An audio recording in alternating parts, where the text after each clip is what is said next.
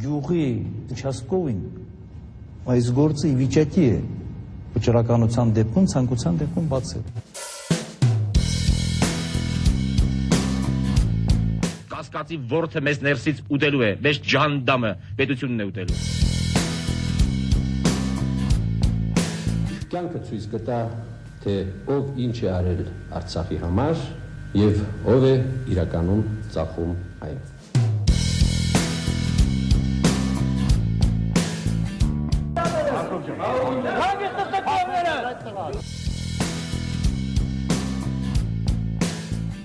Ձեզ այնքան կծեց են դալաններում, որ դուք կարտագաղթեք։ Նորագույն պատմություն։ Երրորդ հանրապետությունն ազատության աչքերով։ Յուրաքանչյուր ամսվա վերջին շաբաթ օրը։ Ուղիղ 21 տարի առաջ 1998 թվականի ամռանը սեփական աշխատասենյակում սպանվեց գլխավոր դատախազ Հենրիկ Խաչատրյանը։ Բարձրաստիճան պաշտոնյայի սպանությունն այն էլ օրը ցերեկով պաշտոնական պարտականությունները կատարելու պահին աննախադեպ երևույթ էր նախահոկտեմբեր 27-յան Հայաստանի համար։ 1998 թվականի օգոստոսի 6 երեկոյան հայաստանցիները ցնցված էին ոչ միայն Խաչատրյանի սպանության փաստից, այլև այն հանգամանքից, որ գլխավոր դատախազի աշխատասենյակում եւս մեկ բարձրաստիճան պաշտոնյայի տրանսպորտային դատախազության նախկին ղեկավար 1998-ին դատավճիռների եւ որոշումների օրինականությունը վերահսկող բաժնի ավագ դատախազ Արամ Կարապետյանի դին էր հայտնաբերվել։ Դեպքը կատարվել է ժամը 17-ից մինչև 17:15 րոպե սահմաններում։ 17:30-ին փողոցը արդեն փակված էր։ Աշխատակիցները շենքից դուրս էին գալիս 1 ժամ հետո։ Բոլորը լուր եւ արագ հեռանում էին։ Ոչ մի խոսք, ոչ մի մեկնաբանություն։ Շենքից դուրս եկածներից մի քանիսը չէին շտապում հեռանալ, խմբով կանգնած ցածրաձայն զրուցում էին։ Խոսակցություններից լսված պատառիկները իրար կպցնելով ստացվում է հետևյալ պատկերը. Արամ Կարապետյանը երկու անգամ է մտել գլխավոր դատախազի մոտ։ Առաջին անգամ դուրս գալուց հետո ընդունարանում ինչ որ բան է գրել։ Գրելուց հետո թուղթը ձեռքին ներս է մտել ավելի ուշ դատախազի օկնական Չիչյանն ասել է, որ նա աշխատանքից ազատվելու դիմում էր ներկայացրել։ Հենրիկ Խաչատրյանը այդ պահին պատրաստվել է դուրս գալ հանգստի սենյակից, որտեղ փոքր-ինչ հանգստանալով սուրճ է խմել։ Արամ Կարապետյանը կրակել է գլխավոր դատախազի գլխին, հետո ինքնասպան է եղել։ Հերիկ Խաչատրյանի սպանության մասին 1998 թվականի օգոստոսի 6 երեկոյան եթերում պատմում էր Հրաչ Մելքումյանը։ Հերիկ Խաչատրյանը գլխավոր դատախազի պաշտոնում նշանակվել էր ողբերգական այս իրադարձություններից ընդամենը 1 տարի եւ 3 ամիս առաջ 97-ի մայիսին։ 60-ամյա Խաչատրյանն այդ ժամանակաշրջանի ամենահայտնի հայաստանցի իրավաբաններից էր 90-ականների սկզբին զբաղեցրել էր գլխավոր դատախազի առաջին տեղակալի, հետագայում նաև ազգային ժողովի իրավաբանական բաժնի ղեկավարի պաշտոնները։ 1996-ին առաջին նախագահ Լևոն Տեր-Պետրոսյանի հրամանագրով Հերիկ Խաչատրյանն ընդգրկվեց նորաստեղծ սահմանադրական դատարանի կազմում գլխավոր դատախազի պաշտոնում իր կարճատև ընդամենը 15 ամիս տևած պաշտոնավարման ընթացքում Հերիկ Խաչատրյանն աչքի ընկավ նախ եւ առաջ դատախազական համակարգի կշիռն ու որոշակի անկախությունը մեծացնելուն միտված գործողություններով։ Եթե նրան նախորդի Արտավազդ Գևորքյանի օրոք գլխավոր դատախազության քաղաքական կշիռն ու ազդեցությունը իրավապահ մյուս կառույցների եւ ուժային գերատեսչությունների համեմատ գրեթե զրոյական էր, ապա Խաչատրյանի օրոք իրադրությունը դանդաղ, բայց անշեղորեն փոխվում էր։ Մի կողմից Խաչատրյանը որևէ խնդիր չէր տեսնում, երբ հարցակնվում էին կամ հետախուզվում դրանից ընդամենը մի քանի ամիս առաջ բարձր պաշտոններ զբաղեցրած անձիկ։ Նախկին ներքին գործերի նախարար Վանո Սիրադարյանի հարցակնությունները 1998-ի ամռան գլխավոր քաղաքական իրադարձություններից մեկն էին դարձել։ Հետախուզման մեջ էր Լևոն Տեր-Պետրոսյանի թիկնազորի պետ Ռոմեն Ղազարյանը։ Խաչատրյանի օրոք դատախազությունը փորձում էր նաև նոր լիցք հաղորդել 90-ականներին կատարված աղմկալի սպանությունների հետաքննությանը, որոնց ընթացքի մասին գլխավոր դատախազը լրագրողներին տեղեկացնում էր անձամբ պարտաճանաչորեն հրավիրվող մամուլի ասուլիսների ժամանակ 1998-ի մայիսի 20-ին հրավիրված նման մի ասուլիսին ներկա էր Ռուզան Խաչատրյանը։ Հանրապետության գլխավոր դատախազ Հենրիկ Խաչատրյանը լրագրողների հետ ջերմ է։ Ամեն 3 ամիսը մեկ ասուլիս է հրավիրում, գրեթե բոլորին անուններով հիշում է։ Մի քիչ էլ երես է տալիս։ Չնայած լրագրողներին խիստ հետաքրքրող անունները հրապարակելու հարցում այնքան էլ չի շտապում։ Ու գիտի թե որտեղ է անկեղծության սահմանը։ Այդ վաղ էր, որ էշը կաղեր մեծ էշ նախորում թողեցինք։ Առաջին դեպքում խոսքը 1 տարուց առաջ եղած ժամանակների մասին է, երբ ըստ գլխավոր դատախազի Հայաստանում ոչ մի սպանության բացահայտման մասին խոսք չկար։ Երկրորդ դեպքում նախկին նախագահի Տիկնազորի պետի դեմ հարուցված գործի մասին է։ Ինչ վերաբերում է նախկինում կատարված եւ հասարակական մեծ հնչեղություն ստացած սպանությունների բացահայտմանը, այսօր այդ սպանությունների մի զգալի մասը բացահայտված է։ Մենք շատ մոտ ենք Համբարձում Գաստրյանի սպանության բացահայտման, այսպես հիմնահարցը լուծելուն։ Նշեմ սակայն, որ Հենրիկ Խաչատրյանը турք չէր տալիս 1998-ի փետրվարյան իշխանապողությունից հետո ձևավորված մոդային, չէր փորձում ամբողջությամբ սրբագրել Տեր-Պետրոսյանի նախագահության տարիների իրադարձությունները եւ դատախազության այդ ժամանակահատվածի գործողությունները։ Խաչատրյանն իր վերջին հարցազրույցներում հստակորեն պաշտպանում էր դատախազության քայլերը, մասնավորապես դաշնակցության հետ կապված գործերի քննության եւ դատավարությունների ընթացքում։ Այս մասին Հենրիկ Խաչատրյանը թերևս առավել հստակ հստակորեն խոսեց 1998-ի մայիսի սկզբին Ամեկ+-ի եթերում Արամ Աբրահամյանի հեղինակային Postscriptum հաղորդման ընթացքում։ Գուցե նաև դրոյի գործի մեջ մտնել եւ ասենք Արսեն Աստրոնուն եւ Արմեն Մնջյանին նույնպես իրադրության փոփոխության հետ կապված ազատենալ կալանքից։ Սիրելի Արամ, կա հանցագործություն, կա հանցագործություն, բայց երբ խոսքը գնում է այրուն թափելու հետ, Կարլ Մարքսն գերեզմանից ելնի փոփոխություն չի լինի։ Անհնար է դա անհնար է Գլխավոր դատախազ Հենրիկ Խաչատրյանի սպանությունից հետո անցած առաջին ժամերին իշխանությունները չէին շտապում հանդես գալ որևէ պաշտոնական տեղեկատվությամբ, եթե իհարկե պաշտոնական բարձաբանում չհամարենք նախագահ Քոչարյանի կարճ ցավակցական տեսաուղերձը։ Հենրիկ Խաչատրյանը ակտիվ պայքար էր ուղղում Հայաստանում օրինականություն հաստատելու համար ազնիվ մարդեր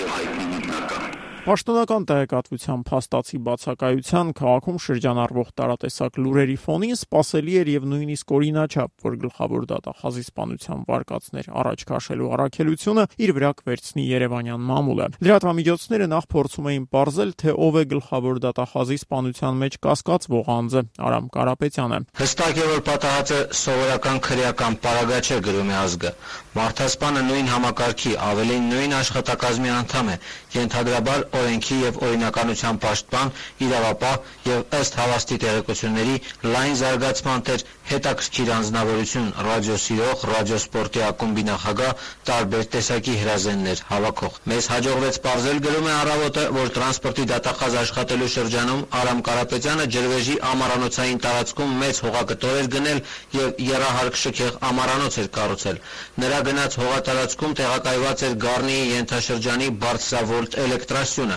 Այս տարիգարնանը Կարապետյանը մի քանի ժամով անջատել էր ողջ ենթաշրջանի էլեկտրական հոսանքն ու սյունը տեղափոխել տեղափոխել իր հողամասից։ 1998 թվականի օգոստոսի 7-ի մամուլի տեսությունն ազատության եթերում ներկայացնում էր Վահան Հովանիսյանը։ Տեր-Պետրոսյանի իշխանության տարիների ընդդիմադիր մամուլը, որ 98-ի փետրվարյան իշխանապողությունից հետո նոր նախագահի Ռոբերտ Քոչարյանի եւ նրա թիմի հանդեպ բավական բարյացկամ էր տրամադրված Հերիկ Խաչատրյանի սպանության արդեն հաջորդ օրը կատարվածի մեջ լևոնական հետքեր նշмарում։ Այս առումով առավել հետևողական էր ապագա հանրապետական падգամավոր Հայկ Բաբուխանյանի խմբագրած իրավունքը։ Մարտհասpan Մարտհասպան Կարապետյանը ըստ տեղյակ աղբյուրի մինչև օրս ուներ պաշտոնին ամենևին էլ չհամապատասխանող հսկայական ստվերային ազդեցություն։ Ըստ որոշ տեղեկությունների գրում է իրավունքը Արամ Կարապետյանը մտերիմ էր Լևոն Տեր-Պետրոսյանի Գերդաստանի հետ։ Երրորդ հանրապետության պատմության մեջ տեղի ունեցած ամենաաղմկալի այս հանցագործություններից մեկի շուրջ տեղեկատվական սովն էր, որ ստիպեց լրատվամիջոցներին արձանագրել իշխանությունների պահվածքն առնվազն տարակուսանք է առաջացնում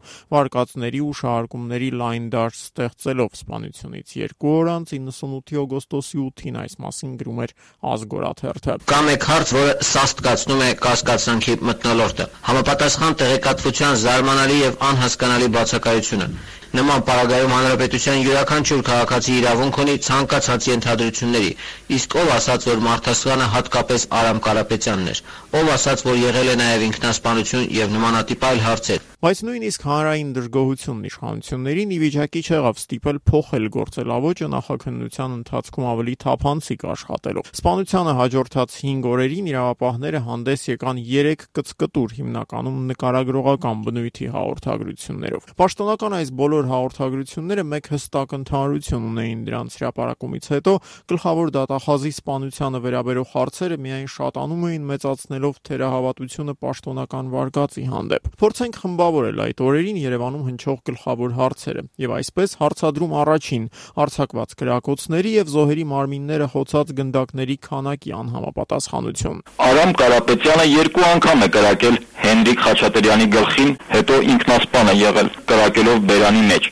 սակայն հայտնաբերվել է 5 պարկուճ, ուրեմն մարդասպանը 5 կրակոց է արձակել։ Ըստ որոշ տեղեկությունների Արամ Կարապետյանը նշանառու հրաձիգ էր եւ այդքան մոտ տարածությունից չէր կարող երկու անգամ վրիպել։ Իդեպ գործը վարող քննիչներից մեկը Ալբերտ Մարկարյանը սպանությունից գրեթե 20 տարի անց տված մի հարցազրույցում պնդում էր, թե Արամ Կարապետյանի առաջին կրակոցները նախազգուշական էին։ Մարկարյանը հաստատակամորեն պնդում էր, թե առաջին կրակոցով Կարապետյանը շարքից դուրս էր բերել գլխավոր դատախազի բազմահամար հերախոսն, այսպես կոչված սելեկտորը, որ เป զի նա չկարողանա աշխատասենյակ կանչել իր թիկնապահներին։ Իդեպ թիկնապահների մասին Հենրիկ Խաչատրյանը 3 թիկնապահ պահ ուներ։ Երեքն էլ Սերժ Սարգսյանի ղեկավարած ազգային անվտանգության եւ ներքին գործերի նախարարության 10-րդ վարչության աշխատակիցներ։ Այդ տիկնապահներից որևէ մեկը սակայն դատախազի սպանության պահին նրա առանձնասենյակի մերձակայքում չէր եւ հետագայում գրակոծները հնչելուց հետո նրանք միանգամից չէ որ կարողացել էին մոտենալ դեպքի վայրին։ Այս ամենը տիկնապահների դանդաղկոտությունը, պարկուճների հետ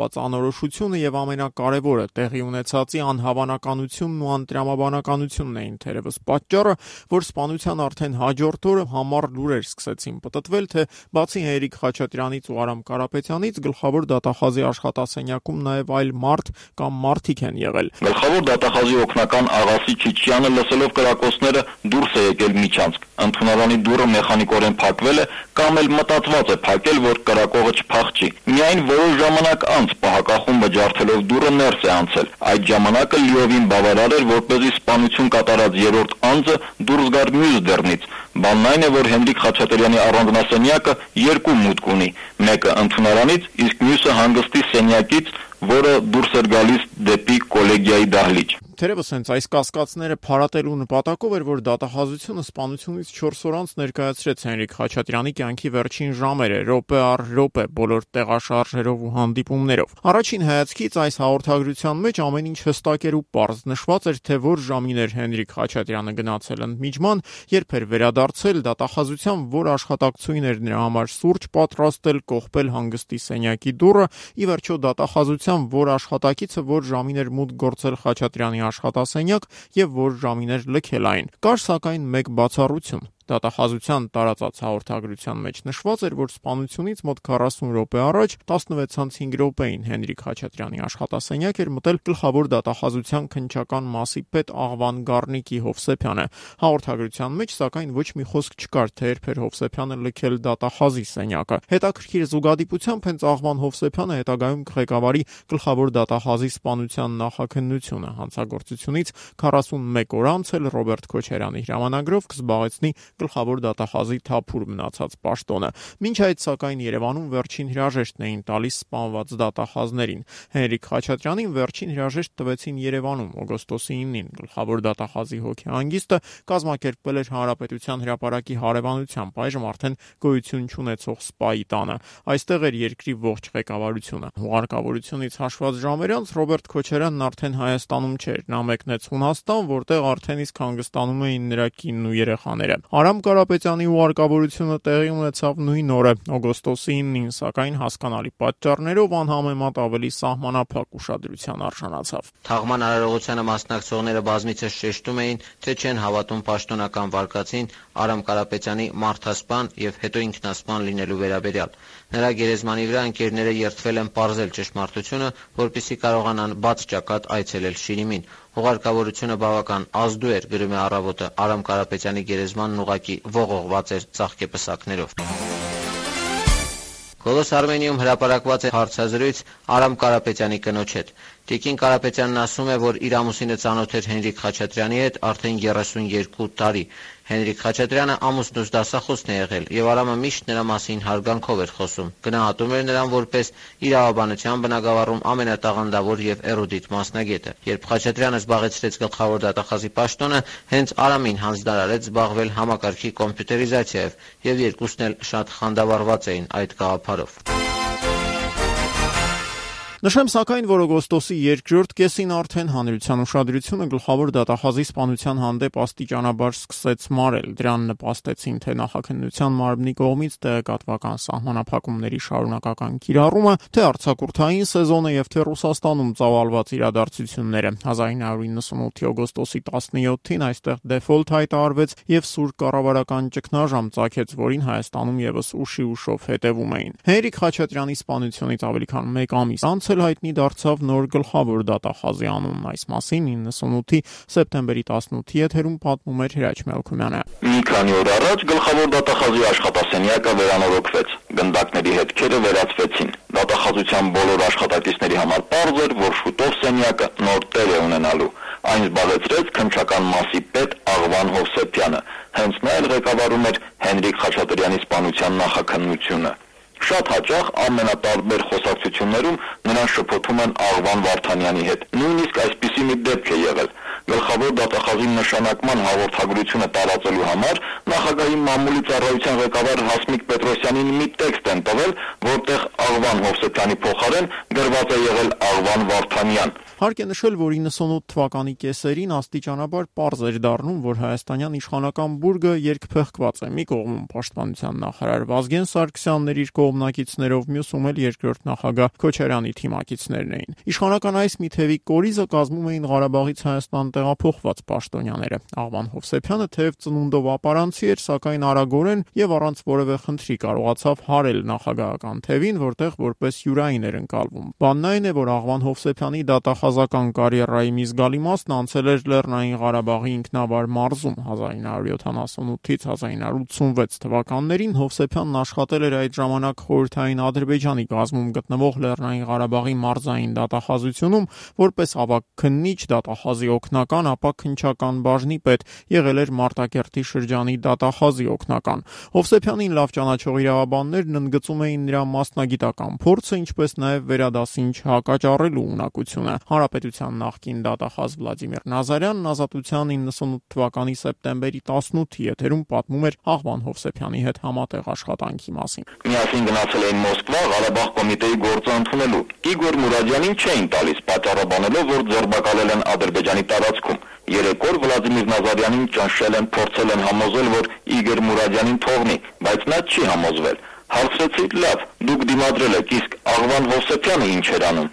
Ինձ ամբողջ շրջանում աղվանը կիսում էր իմ դիրքորոշումը, մի անգամ չասել, որ մեջ է, վեստեն կնանք էլի, չասել։ Մոքսանը մտածում ճիշտ է սանում։ 98-ի օգոստոսյան իրադարձություններից տարիներ անց ի դեպ Երևանյան մամուլը դատախազական համակարգի անցուդարձին քաջատեղյակ աղբյուրները վկայակոչելով գրեց, որ 97-ին Հենրիկ Խաչատրյանը կարող էր եւ չնշանակվել գլխավոր դատախազի պաշտոնում։ Մամուլի այդպես էլ չերկված այս հրապարակումների համաձայն 97-ի գարնանը նորանշանակ վարչապետ Ռոբերտ Քոչարյանը գլխավոր դատախազի պաշտոնում միանգամայն այլ մարդու էր առաջադրել, սակայն ներիշխանական քննարկումների արդյունքում նրա առաջարկները մերժվել էին։ Երևանյան մամուլը պնդում նշում էր, որ Հայաստան տեղափոխվելուց արդեն մի քանի շաբաթ անց Ռոբերտ Քոչարյանը հանրապետության գլխավոր դատախազի ամենահարմար տեխնացու որպես դիտարկում էր Աղվան Հովսեփյանին։ Գյուղի Չասկովին այս գործը ի վիճակի է վճռականության դեպքում ցանկության դեպքում բացել։ Կասկածի ворթը մեզ ներսից ուտելու է, մեզ ջանդամը պետությունն է ուտելու։ Կյանքը ցույց կտա, թե ով ինչ է արել Արցախի համար եւ ով է իրականում ծախում այն։